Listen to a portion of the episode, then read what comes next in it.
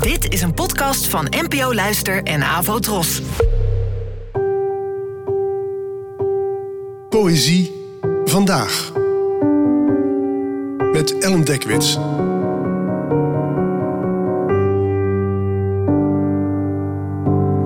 Hallo, fijn dat je luistert. Het gedicht van vandaag heet De Spijkermeester en werd geschreven door de Franse dichter Hans Arp.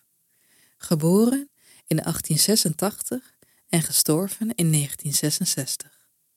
Het werd vertaald door Peter Nijmeijer en Laurens van Krevel en ik vond dit gedicht in de kerstverse bloemlezing voor alle dagen.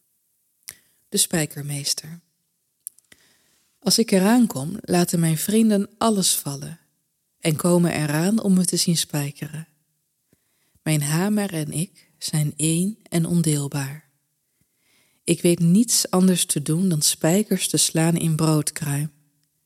Maar wanneer ik spijkers sla in broodkruim, spijker ik zo goed dat mijn vrienden alles vergeten en letterlijk worden meegesleept, veranderend in zuiver hemelblauw.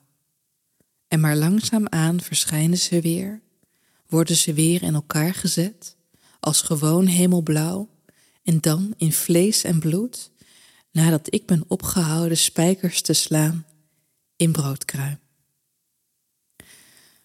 Sommige gedichten begrijp je vanuit je persoonlijke ervaring als mens, en andere juist weer vanuit je opvoeding.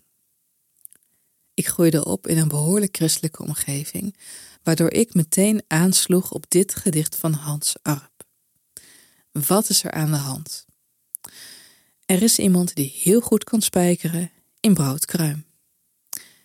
Iemand zonder christelijke achtergrond zou dat absurdistisch vinden, maar degene die met de Bijbel werden opgevoed, denken meteen van aha, spijkers en brood. Je hebt het over Christus, de man die brood in zijn lichaam deed veranderen en door zijn kruisiging stierf voor de zonde der mensheid. Dat de vrienden in dit gedicht door dat spijkeren worden meegesleept en in zuiver hemelblauw veranderen, is ook veelzeggend. Door het offer van Jezus kon men weer met een schone lei naar het hiernamaals, naar een pure hemel. Maar dan is er die twist op het einde. De vrienden worden weer gewoon hemelblauw en weer van vlees en bloed als de spijkermeester ophoudt met spijkeren.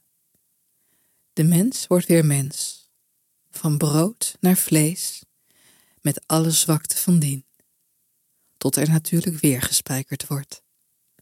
Bedankt voor het luisteren en tot de volgende keer. Afro Tros, de omroep voor ons.